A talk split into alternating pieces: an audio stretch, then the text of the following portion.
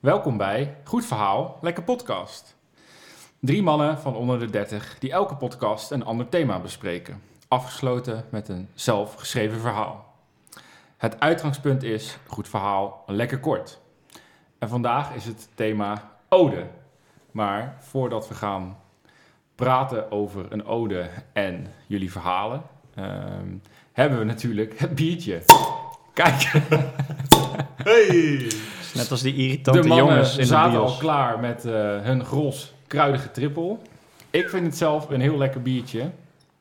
Eh, en ik ben dus ook heel benieuwd wat jullie ervan vinden. Dat kunnen jullie in ieder geval eh, na de podcast teruglezen eh, op een tab. Helaas deze keer eh, geen interessant verhaal over eh, een kolonie in eh, India. Ik heb wel een kort verhaal over dit biertje. Oh, Of tenminste over het Goolsbiertje. Ik schenk hem ondertussen even in. Oh, ik heb er ook een verhaal over. nou, brand los. Rowan, jij bent... nou, eh, de- die gros doet mij altijd denken, dat plop, aan dat dan mensen wachten totdat het in de bioscoop stil is. Nou, dat is mijn verhaal. En dan, dan ploppen ze hem. Ik deed dat altijd als ik dan naar Pathé, eh, Pathé de Kuip jij of Pathé in Breda water ga. op mijn vloer. Maar als, als dan de film, zeg maar, de voorstukjes voorbij zijn, dan begint net de film en dan in de eerste zin dan altijd ploppen. Ja, Ja, ja, die mensen dus, daar wil ik het over hebben. dat is een vorm van aandacht zoeken. Ja. ik weet het. Are you not entertained? nou, fijn dat jullie eh, allebei dezelfde gedachte bij, deze, bij dit biertje hebben. Ja, het thema is ode. En ehm, mijn vraag aan jullie is, aan wie gaan jullie vandaag een ode brengen door middel van jullie verhaal? Eh Rowan, ik begin bij jou. Ja, wie of wat? Ik, eh, dat komt zo misschien in mijn ode nog wel eh, voorbij, maar eh, ik ga een ode brengen aan eh, Sinterklaas. Zo. Ja, Politiek gevoelig thema. ja, dat is een heel politiek gevoelig thema en daarom heb ik het ook gekozen, want ik eh, balanceer graag eh, ja, op, het, op het koord. Ik ben een soort van koorddanser als het om verhalen schrijven gaat. Ik ben niet Nee, maar- nu al. Het, het gaat totaal niet over, ehm, ja, over alle discussies die er eigenlijk lopen. Dus ik heb iets heel anders eh, eh, aan Sinterklaas, wat ik eventjes onder het... eh, Discussie, Sinterklaas? ja, kijk, voor mij is er ook al, al jaren geen discussie meer maar dat, dat, zal, dat komt in de ode heel klein, heel klein beetje nog terug. Oké. Dus ja, ja, voor, ik- mij, voor mij mag je hem gelijk doen. Ja, voor mij je, ook. je nieuwsgierigheid brandt. Ja, Ja. Ik, eh, ik ben heel benieuwd. Oké, komt ie dan. Een ode aan Sinterklaas. Mocht je nu luisteren met kinderen, dan zou ik je aan willen raden dit verhaal stilletjes aan de oortjes van je kinderen voorbij te laten gaan. Of het geluid ietsje pietje zachter te zetten. Sinterklaas kan zomaar het eerste spoiler alert zijn waar kinderen mee te maken krijgen als je het verraden van hoe afleveringen van Paw Patrol of Buurman en Buurman eindigen niet mee zou rekenen. Een ode aan Sinterklaas dus. Is dat niet wat ongepast, gezien alle lopende discussies, hoor ik je denken. Nou, Nou, deze ode heeft in ieder geval niets te maken met een van zijn apostelen, maar met de natuur van het feest zelf. Onlangs heb ik namelijk iets behoorlijk schokkends aan het inter Sinterklaasfeest ontdekt. Deze traditie wordt door iedereen maar eufemistisch afgeschilderd als een kinderfeest. Het is helemaal geen kinderfeest. Sinterklaas is een religie. Een religie voor kinderen. Ondanks alle heerlijke avondjes uit mijn jeugd kreeg ik ineens een beetje moeite met Sinterklaas. Ik heb het niet zo met religies of verhalen zonder concreet bewijs die ervoor zorgen dat mensen zich anders gaan gedragen. Gelukkig was dat maar voor even. Ik hou van Sinterklaas. Ik durf zelfs te stellen dat Sinterklaas de meest onschuldige en prachtige religie op aarde is. Het mooie aan Sinterklaas is namelijk dat op een gegeven moment je moeder of vader of een asociale klasgenoot vertelt dat het allemaal nep is.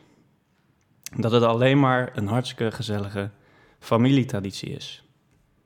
Hoe geweldig zou het zijn als dit bij alle andere religies ook kon? Sorry Mo, maar we vonden het gewoon zo schattig hoe je al die liedjes aan het zingen was. Ach, en weet je nog hoe je je schoenen uitdeed en vervolgens zes keer per dag die man uit het oosten aan het aanbidden was? Zo schattig. Maar dat hoeft allemaal niet meer hoor, jongen. Hetzelfde geldt voor jou, Franciscus. Je hoeft niet meer met je handen gekruist je verlanglijstje door te geven aan die man in de lucht of op de daken. De Goedheiligman bestaat niet. Alles wat in dat grote boek staat, dat hebben we verzonnen. Alle kindertjes zijn altijd eerst overstuur of opgelucht, of doen alsof ze het al die tijd al wisten. Uiteindelijk halen ze allemaal hun schouders op en leven ze hun leven. Sterker nog, die kinderen geven alle leuke en goede dingen van die religie weer door aan hun kinderen. Ze passen dingen aan als iets kwetsend is, of wanneer iets niet meer past bij de huidige tijdsgeest. De dag waarop iedereen dat zou kunnen, dat zou pas een feestdag zijn. Wow. Mooi. Mag ik jou als eerst complimenteren voor je voorleeskunst? Ja, dit is... eh, Ik vind dat je dat ja, dat doet. mij ook op, ja. Mooie Ja? intonatie. Mooie, je kijkt ons allebei aan tijdens het verhaal, dat zien de luisteraars niet. Maar, Ja, dankjewel. eh, en ik, ik vind ook, eh, wat ik mooi vind aan verhalen schrijven, wat jij doet, is dat je zeg maar een onderwerp pakt en daarmee eigenlijk grotere onderwerpen bespreekt. Maar dat dan in het plaatje eh, of in het soepje gooit van, van een iets kleiners en daarmee toch een boodschap overbrengt. Ja, ja dat is eh, ook wel wat we natuurlijk de vorige podcast besproken hebben. Dat dat eh, ja, jouw doel is met schrijven. En dat vind ik heel goed gelukt in deze. En eh, ook goed hoe je toch bepaalde dingen bespreekbaar maakt. Maar dat het toch niet zo is dat je denkt, nou, dit kan, ja, dit kan echt niet. Of dit is eh, eh, kwetsend. En hè, de boodschap voor mij is als we uit alle dingen in het leven alleen maar de mooie dingen zouden meenemen en die overdragen aan volgende Precies. generaties of aan vrienden, dan, dan wordt de wereld een mooiere plek. En dat is volgens mij waar religie en waar bijvoorbeeld Sinterklaas volgens mij voor bedoeld is, maar heel vaak vergeten we dat.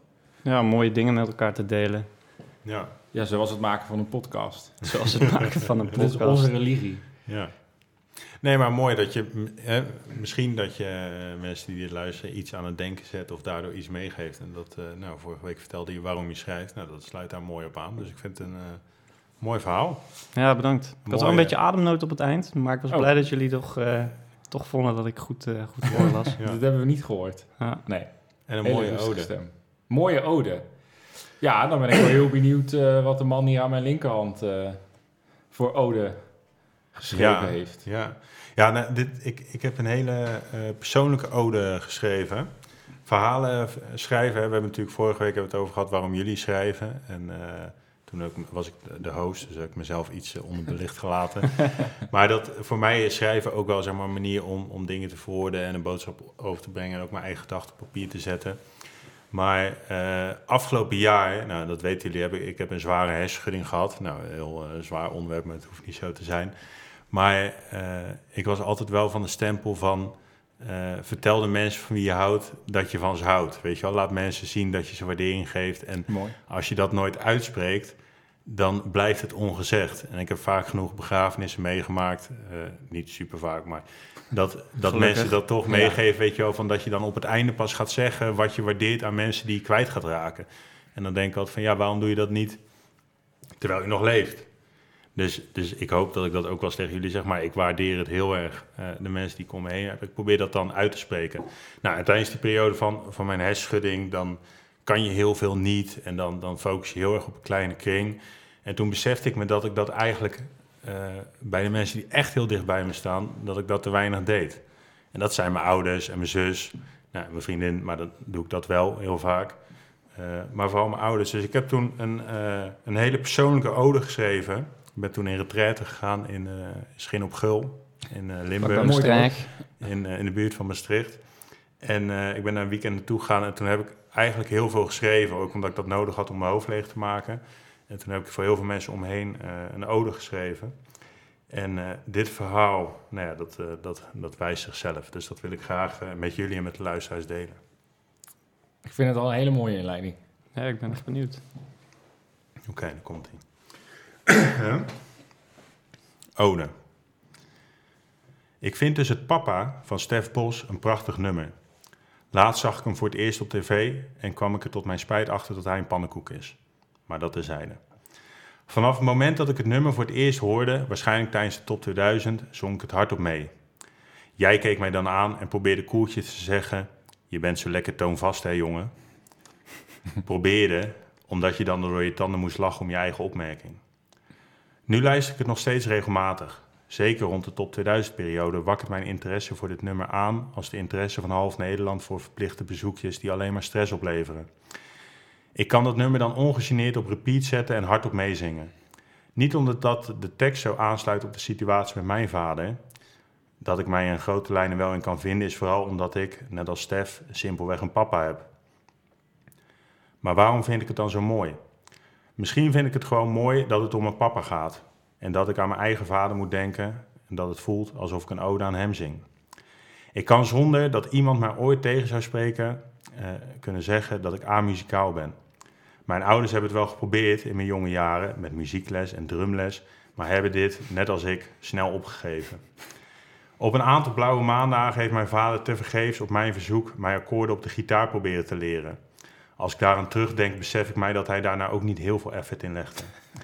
Het muzikale dieptepunt kwam toen ik in het tweede geschorst werd van school omdat ik een klokkenspel kapot had gegooid. Vanaf dat moment hadden mijn ouders en ik een stilzwijgend pact dat ik op muzikaal vlak aan geheel onthouding zou doen. Dat pact heb ik één keer gebroken om auditie te doen voor een musical. Het resultaat zal niet als een verrassing komen en om mij te behoeden voor zo'n vergelijkbare afwijzing maakte mijn vader van elke gelegenheid gebruik om mij te wijzen op mijn gebrek aan muzikaal talent. Toen ik na zeven jaar HAVO op 19-jarige leeftijd moest gaan kiezen wat ik de rest van mijn leven wilde gaan doen, gebruikte ik als doorslag, doorslaggevend argument: ik wil niet hetzelfde als mijn vader gaan doen. Jaren later, na een flinke omweg, kwam ik hierop terug en ging ik toch dezelfde kant op. Het is een grappige anekdote die ik in sollicitatiegesprekken nog steeds wel eens vertel en het doorgaans goed doe. Nu, weer een paar jaar, een paar jaar later, weet ik dat mijn carrière er anders uit gaat zien dan die van mijn vader. Niet omdat we anders zijn, maar juist omdat ik zoveel van mezelf en hem herken. De lessen die hij heeft geleerd en de ervaring die hij heeft opgedaan in zijn werkzame leven herken ik, omdat ik de karaktereigenschappen waaruit ze voorkomen herken. Ze geven mij richting en helpen mij mezelf beter te begrijpen. Ik denk niet dat je het heel erg vond dat ik niet muzikaal ben en geen talent had om gitaar te leren spelen. Ik denk ook niet dat je het erg vond dat ik ooit nooit in een musical heb gespeeld en dat ik in eerste instantie niet voor jouw beroep koos. Ik weet wel zeker dat je het niet erg vindt dat ik nooit voor je heb gezongen. Maar ik denk wel dat je het leuk vindt dat ik zoveel op je lijk. Laat dat dan mijn ode zijn aan jou. Wauw, wat mooi. Ik vind het echt heel mooi. En, dit heeft je vader nog nooit gehoord? Dit heeft mijn vader nog nooit gehoord. Nee. Wow. Dat zal voor hem ook een, eh, iets moois zijn om te horen. En ik merkte aan mezelf dat ik... ehm, nou, voor mij was dit verhaal een soort emotionele rollercoaster. En dat klinkt altijd heel erg... Nee, dat klinkt altijd heel erg, eh, heel erg cliché. Maar op de momenten dat het grappig was, was het heel licht. Maar voelde je toch de boodschap. En op de momenten dat het heel serieus wordt... dan is het heel logisch dat je die boodschap... eh, voelt. Maar ik vind het heel knap hoe je daar tussen wisselt. En ehm, ook de zin van... ehm, ik weet dat ik niet hetzelfde ga doen, ook al lijk ik heel erg op je. Of iets in die richting. Mhm. Vind ik een hele mooie, omdat je dus... volgens mij bedoel je daar te zeggen dat je leert van zijn fouten en van zijn ervaringen. En Ja. daardoor een ander pad bewandelt. En ik denk dat dat ook... eh, heel belangrijk is in het leven. En ook iets wat jij net schetste, Ro. Als we allemaal aan elkaar de goede, leuke dingen doorgeven, dan, dan wordt het allemaal een stuk beter. Ja. Heel mooi. Ja, je had het mooi naar boven, man. Eh, dus de, de, de gebieden echt waarop je hebt geleerd van je vader. Dus de stukken muziek, de stukken werk. Mhm. Dat, ja, dat, ik vind dat wel mooi. Dankjewel. Ja, ik, eh, ik las laatste keer een boek, of een hele tijd terug al, en dat ging dan over een vader en zoon. En toen stond daar op een gegeven moment stond daar een mooie one-liner in. En dat is dat de, de angst van elke vader is dat zijn zoon hem niet overstijgt. Ja. Kan je natuurlijk over discussiëren of dat, of dat zo is. Maar ik, ik, ik vond dat wel gewoon een hele mooie zin. En eh, mijn vader ja, is wel, en naarmate je ouder wordt, tenminste voor mij is dat echt iemand naar wie ik opkijk. Ehm, en, en waar ik dus heel veel van leer. Maar wat ik misschien eh, hè, tussen, tussen neus en lippen door te weinig zeg of te weinig vertel. En dan biedt schrijven mij wel de mogelijkheid om dat inderdaad, wat u zegt, aan de ene kant ligt. Aan de andere kant soms misschien wat zwaarder of emotioneler. Dat ik dat wel op kan schrijven en kan verwoorden voor mezelf. En dan ook kenbaar kan maken zonder dat ik verval in clichés of dingen die je dan even bij het voorbijgaan zegt, weet je wel, terwijl de deur al dicht slaat. Ja. Ja. ja, die clichés die breng ik wel in. dat het een emotionele rollercoaster is. Ja, maar, maar z- zelfs deze podcast zou niet mogelijk zijn zonder jouw vader. Nee, nee. Want hij is heel muzikaal. Hij is heel muzikaal en ik ben dat helemaal niet. ik ben wel benieuwd. eh, want hij, je zegt wel... ehm, ik heb een keer auditie gedaan voor een musical. ah, daar moest ik mijn lach eh, om inhouden, maar dat is niet... Hij lachte bedoeld. gewoon, maar hij hield het helemaal niet in. Oh, ik lachte gewoon. Dat moeten we nog maar even terugluisteren. Maar hoe is dat uiteindelijk afgelopen? Dat is oh, dat, is, dat is denk ik wel het gênantste moment van mijn leven. ik, deed, ik deed vroeger wel eh, theater. Mijn ouders vonden dat heel leuk en ik vond dat zelf ook wel leuk. Ik heb toen een keer in eh Kunstmeer gestaan dat ik met een monoloog mijn tekst kwijt- kwijtraakte. Dat ik iets van Shakespeare deed. Dus dat, dat heeft al, maar dat heeft me wel heel veel geleerd. Maar toen dacht ik op een gegeven moment in een eh vlaag van overmoed, dacht ik, ik ga meedoen aan de, de schoolmusical.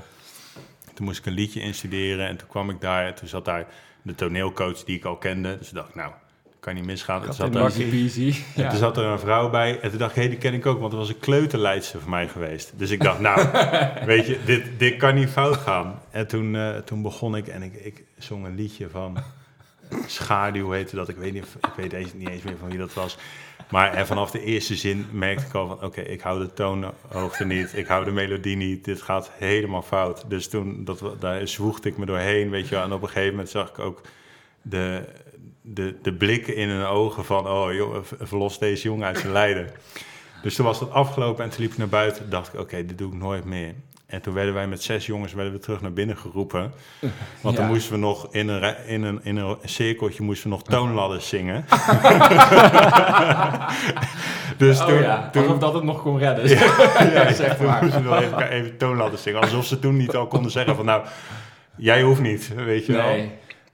Dus toen heb ik daar nog toonladders gezongen. En dat was het, ja, dat was ook echt, echt verschrikkelijk. Echt verschrikkelijk. Dus toen ben ik daar naar huis gegaan en toen heb ik dat thuis verteld. En toen zei mijn vader ook, dat moet jij nooit meer doen. Dit moet je nooit meer doen. en daarna ook als wij dan Idols keken of The Voice of Holland of X-Factor, dan, dan zei hij ook altijd heel nadrukkelijk van dat ouders hun kind niet in bescherming nemen om daar te gaan staan als ze niet kunnen zingen. En dan tikte mijn moeder mij aan, ja, dat zou jij nou nooit meer doen, hè, Michiel? Oh, goed. Ja. Dus, eh, Ja. nee, dus het is wel op waarheid gebaseerd, dit, dit verhaal. ja. En, en hoezo vind je Stefan Bos een pannenkoek? Ja, Oh, maar dat- komt dat, ineens een- ja, Oké. Nou, omdat hij, hij maakt hele mooie nummers en zo. En het is ergens een- wel een sympathieke man. Maar toen was met die coronamaatregelen, toen zat hij bij de Wereld Draait Door. En toen was net eh, de maatregel aangekondigd dat er niet meer eh, opgetreden mocht worden voor het publiek boven de hon- rond de 100 mensen of zo. En toen zat hij daar en toen zei hij, ja, maar dan gaan we toch optreden voor 99 mensen?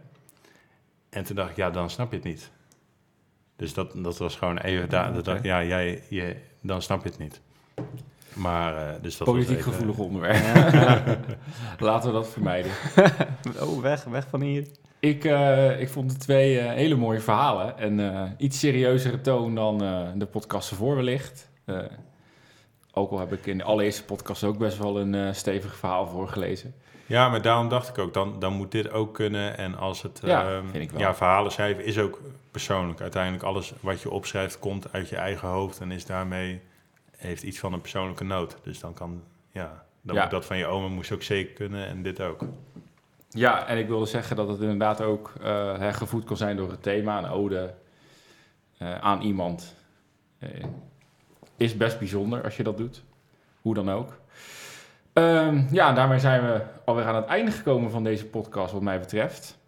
Ehm, het biertje. ja, zou jullie nog iets willen zeggen? Dat, Hij is er Toch klaar niet van de podcast, hè? Toch alleen van deze aflevering. ja, excuus. Van deze aflevering. Gelukkig. Ik Aflevering hield 6 mijn is niet hart het einde. Nee, Ik kan niet Nee, wachten tot nog- de volgende. We gaan nog heel lang door. We gaan nog heel lang door. En een mooi bruggetje naar de volgende. Want de volgende podcast die gaat over het thema eh, raam. En eh, eh, ik ben heel benieuwd, want het is mijn thema. Ik ben heel benieuwd wat jullie daarover gaan schrijven. Dat is jouw thema. ja, dat is Jij mijn gaat thema. nu twee keer achter elkaar. Ja, dat kan gewoon. Ja, Kan dat gewoon. kan. Gewoon, we bepalen het gewoon zelf. Ja, We hebben ook hè, vandaag een hele leuke fotoshoot gedaan, waar jullie ongetwijfeld, ongetwijfeld meer van gaan zien. En daar zat Rowan ook de hele tijd in het midden. Dus ik mag ook gewoon beslissen dat eh, ik twee keer achter elkaar ga. Kijk, Eh, ik hoop dat jullie het eh, erg leuk hebben gevonden. Wij hebben er in ieder geval heel erg van genoten. Ehm, ja, check onze Instagram eh, voor foto's, voor verhalen. voor jouw verhaal ook. Jouw ode. Ja, mijn ode inderdaad, die was ik bijna vergeten. Ja, Eh, check ook eh, onze Untapped account, een leuk account, voor eh, de biertjes die we hebben gedronken. en eh, tot de volgende keer. tot de volgende keer. Ciao.